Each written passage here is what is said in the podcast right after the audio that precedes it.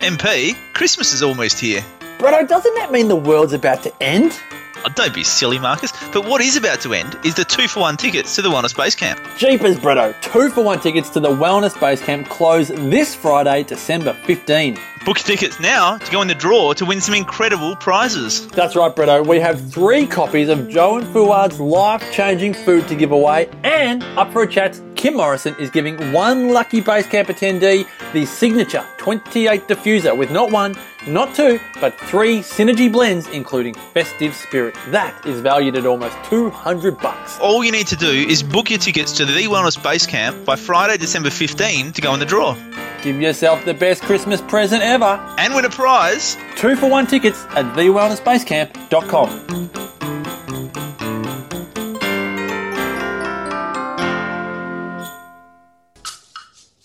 TheWellnessCouch.com, streaming wellness into your lives. Welcome to Nourishing the Mother, featuring your hosts Bridget Wood and Julie Tenner.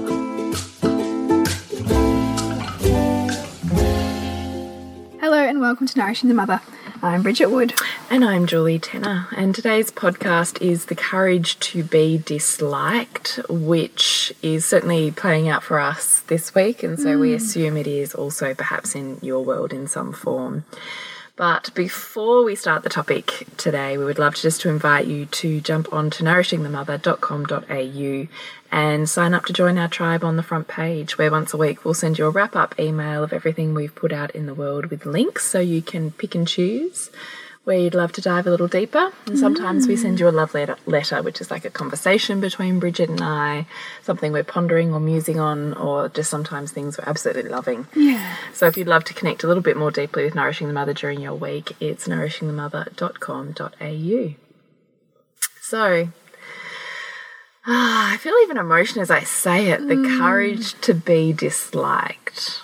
I feel like I wear it or have worn it as like this badge of honor of, you know, I don't give a shit. This is who I am, and you like me or you don't. Yeah. And, you know, Which is a little bit of like that brave armor. That's Yeah, like kind of protecting the vulnerable. it is. Softness within. It is, and I think also, you know, I'm such a pioneer of living authentically hmm. for everyone. Hmm.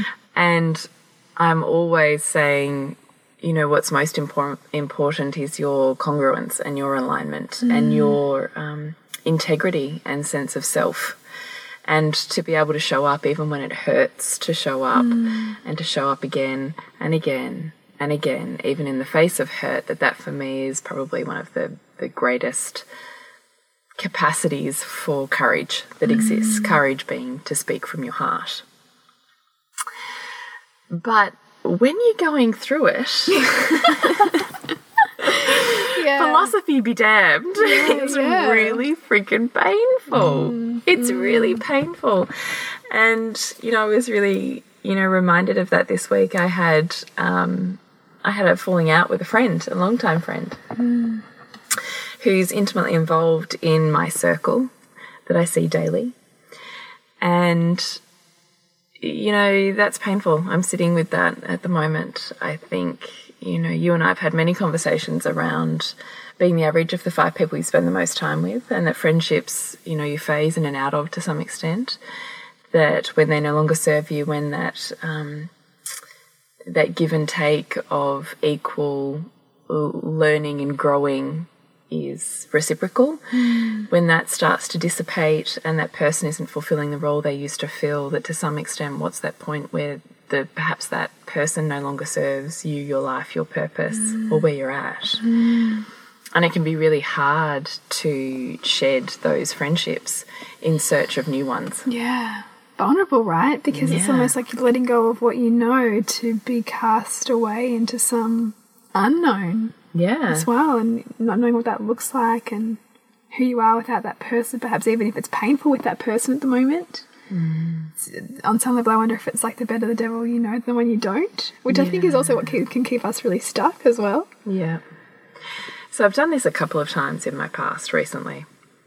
Not too recently, but within the last five years. And I felt really a sense of peace and congruence with those choices that I've made. Mm. It's been very much a conscious choice of who I spend my intimate time with. I feel like my intimate time is very limited. and I give of myself completely to that person. Mm. So I'm very careful about who I give of myself completely to. And I, I wouldn't say I have a best friend, but I say I have a group of really intimate women with me that, to some extent, border on on lovers. You know, in a way, like I kind of think I was talking to my friend Brie about this the other day, where um, I said, you know, I just it's like the whole concept of polygamy, isn't it? Is that I really believe in an emotional poly- polygamist landscape. Yeah, yeah. Is that I don't think you can get everything From one person. Mm. From one person, and nor do I think you should expect that.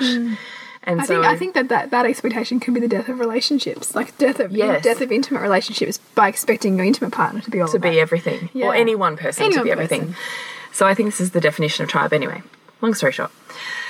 So I chose to have a really um, probably long overdue and hard conversation with this friend that I felt was living in line with my integrity and calling her out perhaps on hers.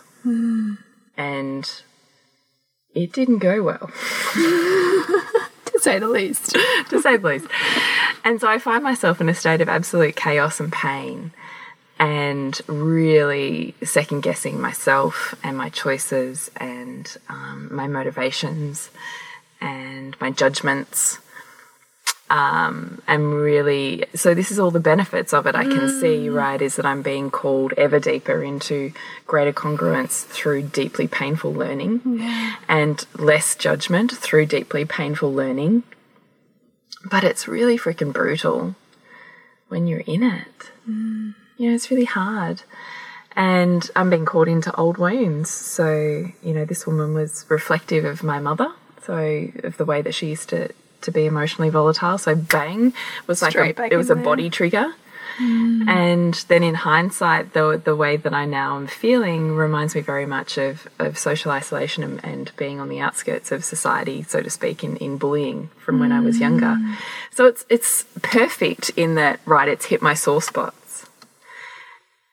But it's even more brutal because it has. Yeah, and sometimes I, I, I think when you're so pain. emotionally triggered, like when you're so, you can live sometimes kind of flailing, going, "Okay, I know I said all this stuff about how this was good, but actually I'm in it and it's not feeling so good right now." Exactly, and that is where I find myself. Mm. So I'm really interested just to kind of break open this podcast with you the courage to be disliked because I feel like I want that for my kids. Mm. I want, and therefore I want it for myself. Yeah. I want them to have the courage to be them and be them and be them, even when it hurts and even when it's not popular opinion. And even when you're maybe standing alone, Yes. to love yourself enough to so, say, "No, this is important," Yes. or "I'm important." yes. That's where I want to get I'm to by the end of this podcast, Bridget. Is that a tall order?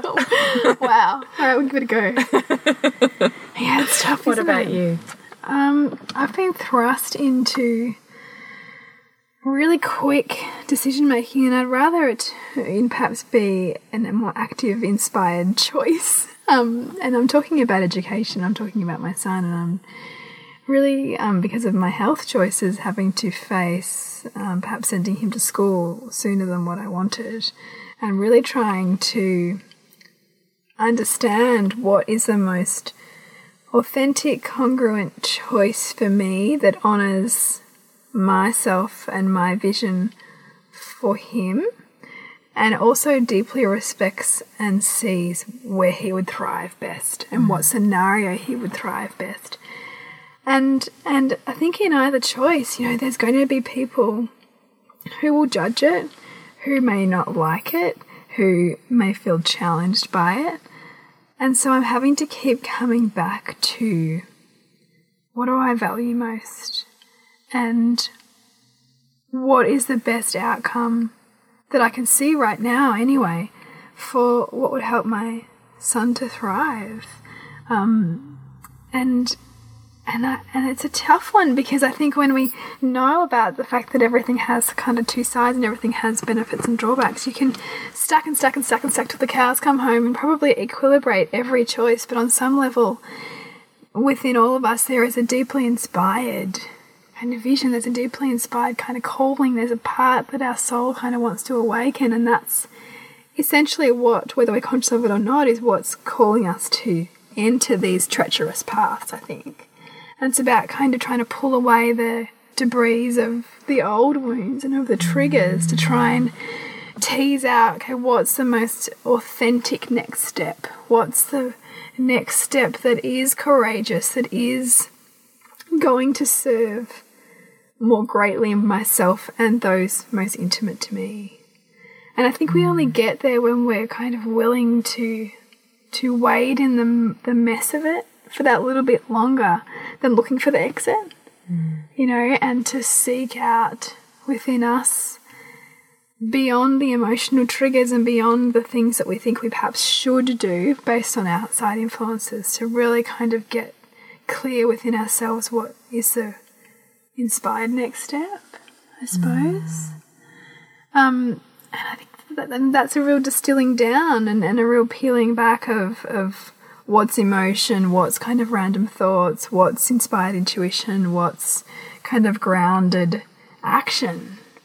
And that requires kind of courage to stay in a particularly a painful problem long enough to find that, I think.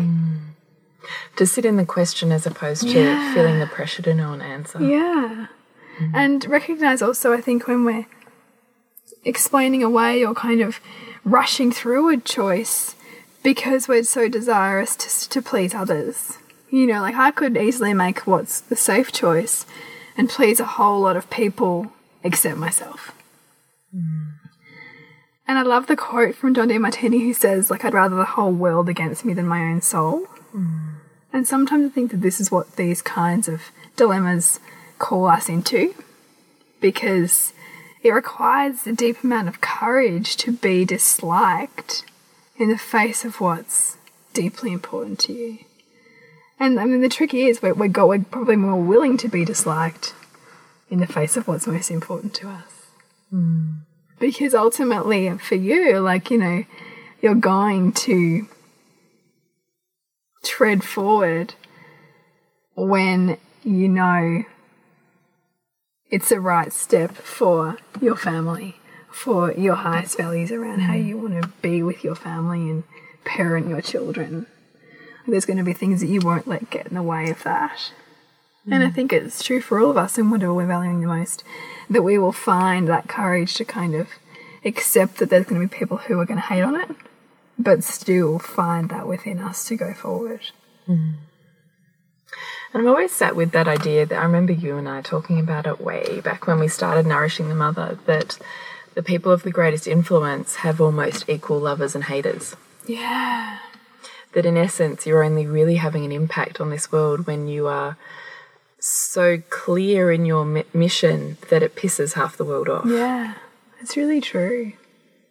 So I find that interesting because sometimes I've sat with if there's more war, in inverted commas, outside of me, do, is that also a sign that I'm choosing my congruence more wisely? Hmm. Possibly. What do you think? Yeah, I think so because, and particularly also the more you're able to handle that war and move through that without the emotional isolation, you know, mm-hmm. without the kind of being completely hamstrung and um, unable to function with it. Because it's true, like you know, life. That's like saying like life doesn't get anything easier. We just get more accountable, and those who have the greatest level of influence, the people who who are able to manage both the support and challenge most effectively. For example, even with all of the support they might get, they don't get so manic with the support that they that they get elated and incredibly narcissistic. And conversely, with all of the challenge that they might get, that they're going to get so depressed and suicidal and lose themselves in it. You know, because those are those two polarities. And the people who can manage both of those, like, you know, somebody like Taylor Swift or like Justin Bieber or Donald Trump or Barack Obama, I mean, these are people, you know, um, what's his name? You know, Richard Branson, these are people who are incredibly huge influences, have probably just as many lovers as haters. And they're able to kind of fairly on the cert on on a, you know as we're in terms of how we perceive them anyway they seem to kind of manage both of those sides and still show up in the world in a way that seems fairly aligned to who they, Who are. they are. yeah um, and and I, I guess we all have access to that capacity within us but it's it, it is that bringing forth that courage to be disliked in the first place and almost developing the conditioning within ourselves to recognize that we're still okay, even if half the people we associate with don't like us or our choices. And continue and continue and continue to show up as ourselves regardless of that outside world. Hmm. Because likely the more that you're getting that challenge outside of you, just as much the support's coming in. Hmm. And so as soon as you feel and perceive the challenge and you perceive people disliking you, you've got to ask yourself in this exact situation or in this moment when I'm feeling really disliked or challenged, who is supporting me? Who is liking me? Who thinks I'm fantastic? Because you'll be getting both all of the time. Mm. It's funny you should say that. Sorry, I just got lost in in. Can we deviate for a minute as I'm as to give you a real life example of that? sure. So um, part of what what made me, as you say, courageously stand up to my friend and and um, talk about something that was very difficult was because for the first time it hit an area that I was unwilling to let go. Hit my top value of family. And I had an opinion on that. You weren't gonna you weren't gonna lie down and take that. Funnily enough, which is funny when you say that, right? Um, and so, you know, this didn't go really well. And so I spiraled downwards into just an emotional train wreck kind of state, to be honest. And at the same time, within the following 12 hours of this cataclysmic event, of, you know, what the fuck do I know? And, you know, shit going wrong. And who the hell am I? And, you know, Yeah, all of that. Yeah. yes, I had the most overwhelming, heart opening, opening, validating experience of of witnessing my son in the world. Oh, I love it. And I did at the end of that 12 of the next 12 hours say to my husband, Wow, you know, I mean, this week I wrote, or last week I wrote the blog post on, you know, I feel stupefied by motherhood and I'm mm. so seeking to value myself and yet haven't quite nailed what that is. And then I get this challenge in the form of my highest value. Mm. And I take that challenge. Perhaps stupidly. Yeah, yeah, yeah. And then my validation and reaffirmation of that value mm. comes in the following 12 hours. Yeah, wow. Like there's no mistakes in No. that, right? And so profound were these three events that my son had done that three different people had told me about. But the person who was telling me was welling with tears as I was like dripping with tears as they're telling me. Isn't that beautiful? So, how is that as an example of that mm. counterbalancing nature? Hmm. And last week I was asking myself to value myself and, you know, what the fuck am I doing with my life? And da da da da da. Yeah. Well, you know, it hasn't shown up the way I wanted it to. Hmm. But look what's shown up this week. Hmm. Here's your top value. Here's your genius. Here's the example of your genius in mm. action. Mm. And here's why it's so painful at the same time. Mm. And you can't have genius without pain. No.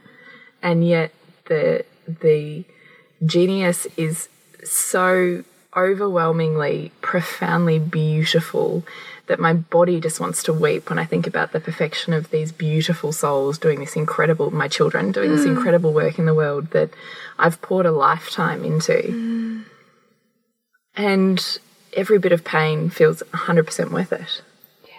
Isn't that so interesting? Yeah, it is.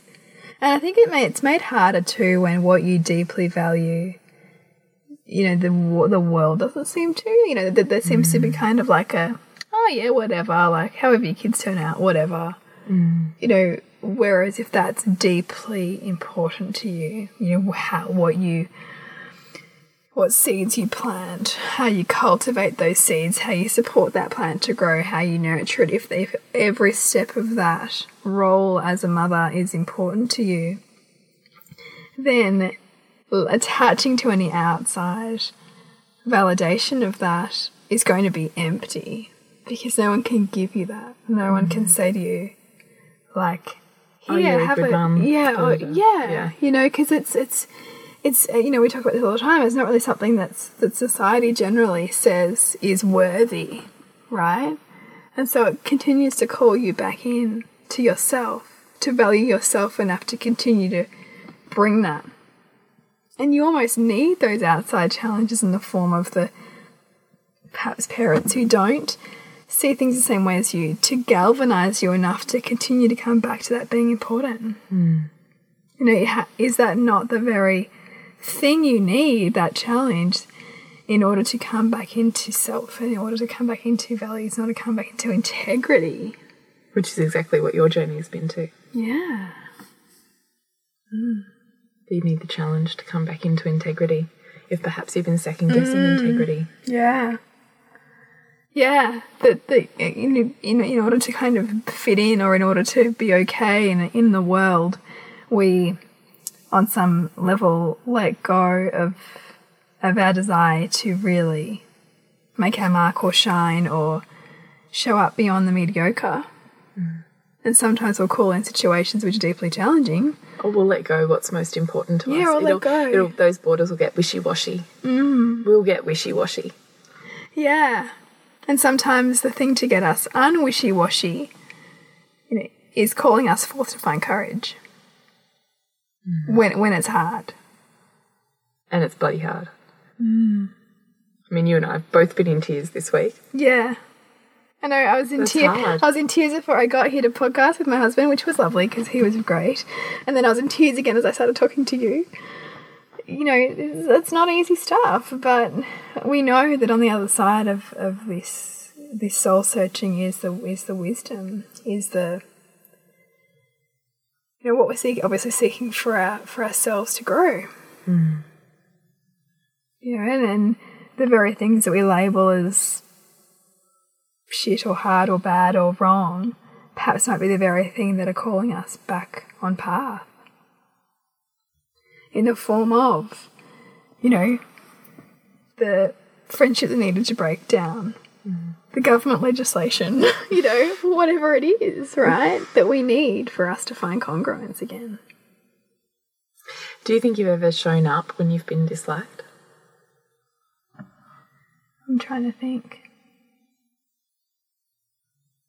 I've, I'm sure I've been disliked, but not been Acutely aware. acutely Of aware of it. For sure. But you can't think of an incident where you've been acutely aware of the dislike around you and yet you've still had to walk through that. Um, not off the top of my head. But I know it's there. And I think on some level it's there because it's what fuels me. It's part of growing intentionally is to continue to recognize that people aren't going to like me or like what I do.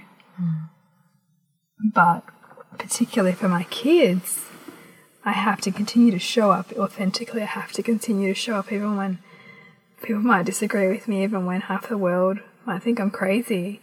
Because I want them to know, like, that there's if there's something in you that keeps calling you, it's like your spirit. It needs to be nurtured, it needs to be honored, it needs to be given permission to flourish. And I think what better way for them to to see that in action and to see their mother do that. Mm. Because it becomes normal then oh, I do things sometimes people don't like, but what's most important is I like me. You know? What do you think the practical steps are in doing that?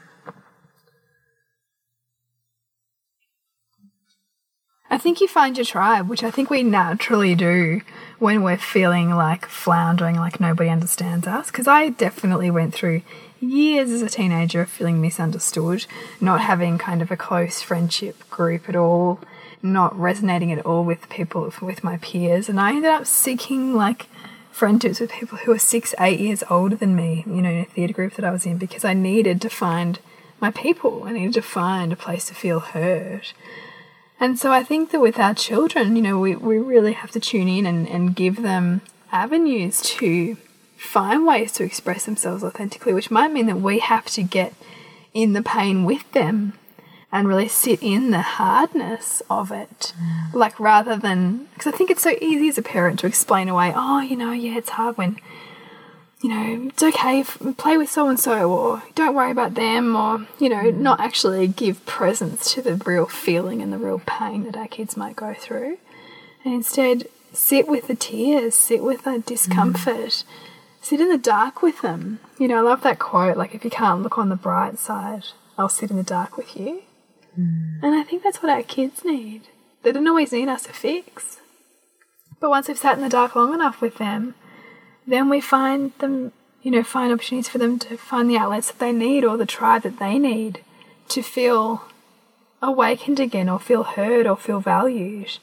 And it might not be conventional, it might be through something extracurricular, or it might be, you know, through perhaps finding them a, an influential family member who can help, you know, guide them or, or give them some coaching or mentoring and whatever it is that's important to them so that they feel like their spirit is nurtured, even if perhaps their peers might not nurture that.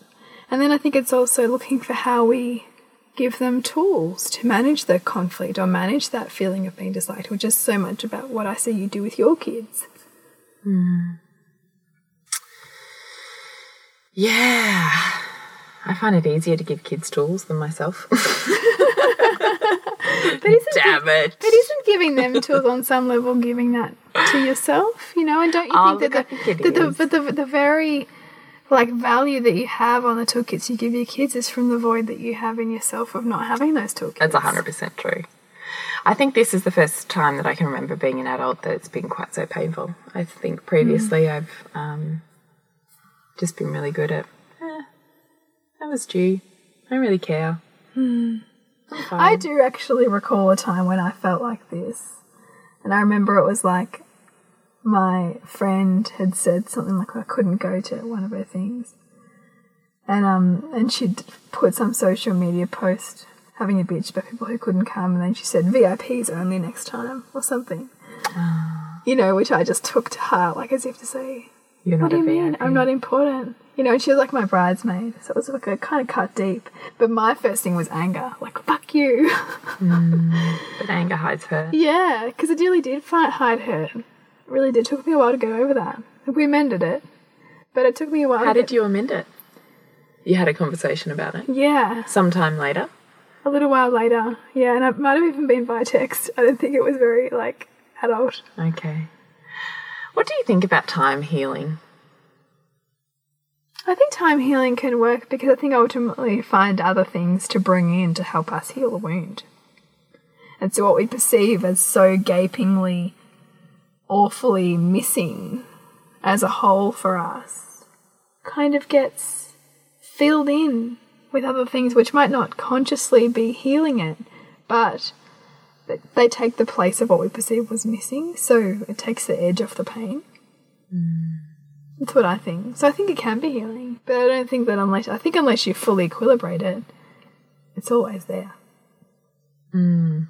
Which is essentially, as you know, this is just like the seeds like already there. This is just a new trigger. Yeah, it's true. It's just cycling round again. Yeah, So it's not the event anyway, the current one. It's just a constant. It's just Mm, it's just coming in to remind you of something in the past that you haven't yet appreciated. The volatility, the emotion. Yeah, the emotional volatility. Yeah. Fuck. Can I just move on from that, please? No, but as, but as you said before we started recording from the, the podcast, you said, you know, because I, as I pointed out to you, I said, you know, the, these voids for you, which keep you so deeply focused on your kids and how you help them be in the world, come from your own immense pain. And as you mm-hmm. said, like, the void's probably so big you're never going to even get close to it. yeah, I did say that. So that emotional volatility that keeps showing up for you in the form of friendships or whatever it is that mm. feel painful is the very thing that's keeping you on path with the gift that you give your children. Mm. So would you even want to equilibrate it because it, it- because it, because That's a hard one, isn't it? But it's so freaking painful. yeah, but it's but how is it your service to your children to the world? yeah. And by fully neutralizing that event, which you never can really, because your biggest void you never do, hmm. they keep going. No, I believe that it's so big. It's just Yeah. layer after layer. After Yeah, hmm. you just find a new, a new, yeah, edge to it to explore and transcend until the next little edge of it comes up for you to see. It's really interesting actually looking at it like that, isn't it? Is that it's not actually these people or the current day event. It's actually just a repatterning of mm. something that was set in stone, so to speak, Yeah, many, many, many years ago. Hmm. So, in actual fact, to go back and find the other side, the benefits to hmm. those memories.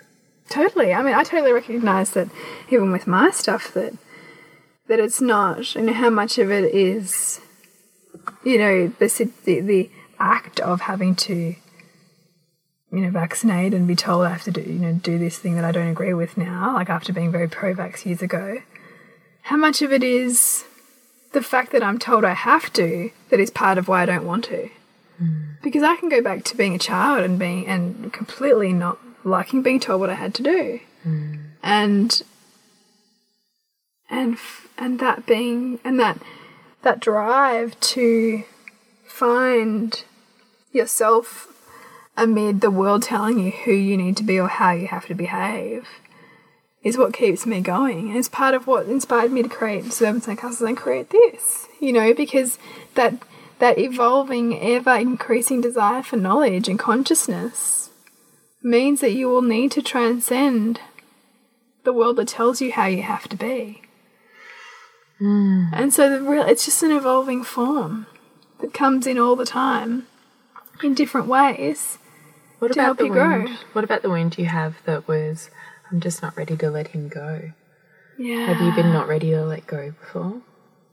And been kind of, life has thrust you into it? Go on, I'm even thinking of the swimming. Like, is this kind of a similar Yeah. pattern? Which is something we haven't even gone back and addressed yet. Yeah. I just wondered if it was the not ready to let go. Yeah, because that really got me tonight, didn't it? Yeah, they're not ready to let go. Yeah, and I think you know, like I have a fairly, I've I've valued security a lot in my life. If I look back, I really have, and perhaps I value security from the void of letting go, like or insecurity. Hmm. And I think on some level, our fear of letting go of our kids is our fear of letting go of parts of ourselves we're going to perceive we're going to lose by letting go of our kids. Mm. Because so much of what we, you know, the, the, that line between us where we our children finish and when we start can be super blurry sometimes. And, and it takes a lot of effort, some, I think, to really, and I've, that's what I've done incredibly like you know I've been going around in circles for about five days about like what's what's me and what's him and what's going to serve him best and what's going to you know making sure that I'm making a, an authentic choice for myself but also in a way that's best serving my child that's not simply me projecting something onto my child as what I think mm. is best. You know really for us as mothers are trying to find that line between you know projecting our values onto them and making them us and allowing them to be their whole selves. You know. Yeah, I do.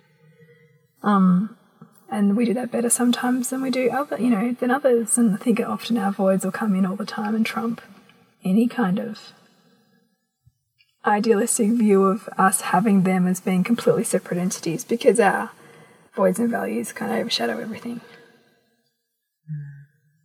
Like they, they, they, they filter and colour our world. Mm. It's big stuff, you know, real big stuff.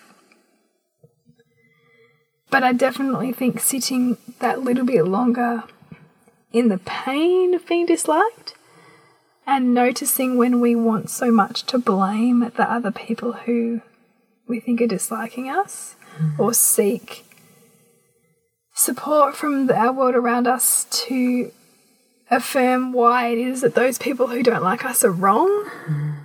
to just resist that for a moment and instead ask, How is this serving me? How is this exactly on purpose? Why am I needing this right now? What is it giving me? What would I be missing out on if this didn't happen? You know, all of those achingly painful questions, yes, when you're in it. But they're also questions that help us find the wisdom more quickly. Hmm. I'm going to have to listen to this podcast. Me too. So as we wrap up, we'd just love to remind you to jump on to nourishingthemother.com.au. You can check out the blogs, the resources. Actually, we call it products, didn't we? Products, Products. page. We have lots of downloadable little bits and bobs that are anywhere between a dollar and I think our large audio series are up to about thirty dollars that you can download straight away for particularly over the festive holiday period. You might have some mm. extra time for listening or reading or kitting yourself up ready for the next year. So nourishingthemother.com.au. We're also Nourishing the Mother on Instagram and Facebook. We love all of your interactions, your reviews. We read every single one of them. So Keep those emails coming. They're so fabulous. Please, they're just gorgeous and they really do remind us, you know, of just the immense love and humility that's involved in this journey that we find ourselves on, even when we feel a bit lost in it sometimes. Mm. Um, and if you have any podcast suggestions, please, you know, shoot them through to us via, you know, private message, the Facebook page, Instagram, email, take your pick. We're everywhere. we do really love to have the opportunity to follow your inspiration or your um, what's happening in your life because if it's happening for you, it's happening for us as well. And connect with you, Bridget. Suburbansandcastles.com. Do you have a movie for next year that you know? In February, we're doing the Rice documentary again. And this time we have. Which is the documentary you're in? Yes, and we've got uh, the founder of Endota Day Spa coming to speak in Melbourne. Oh, do you? Yeah, so you have to come. Oh man, I want to hear her speak. Yeah, she's she's amazing. And also another entrepreneur, Tina Tower, who's also. Oh, yeah. Yeah, Are you going to do the Q and A for them? Yeah, I'm coming. yeah. So I'm super excited about that. And who knows what else? Just working on it at the moment. Not taking much of a summer break, I don't think. Plus, I could be preparing a child for prep, which seems like massive. So that's my yeah. That's your. January. Yeah, and to connect with you. is thepleasurenutritionist.com. And remember, you've got to nourish the mother to rock the family. Mm. Woo! I did it! and we'll see you next week when we continue to peel back the layers on your mothering journey. This has been a production of TheWellnessCouch.com. Check us out on Facebook and join in the conversation on Facebook.com forward slash The Wellness Couch. Subscribe to each show on iTunes and check us out on Twitter. The Wellness Couch, streaming wellness into your lives. Whilst the Wellness Couch presenter endeavor to provide accurate and helpful information to their listeners, these podcasts cannot take into account individual circumstances and are not intended to be a substitute for health and medical advice from a qualified health professional. You should always seek the advice of a qualified health professional before acting on any of the information provided by any of the Wellness Couch podcasts.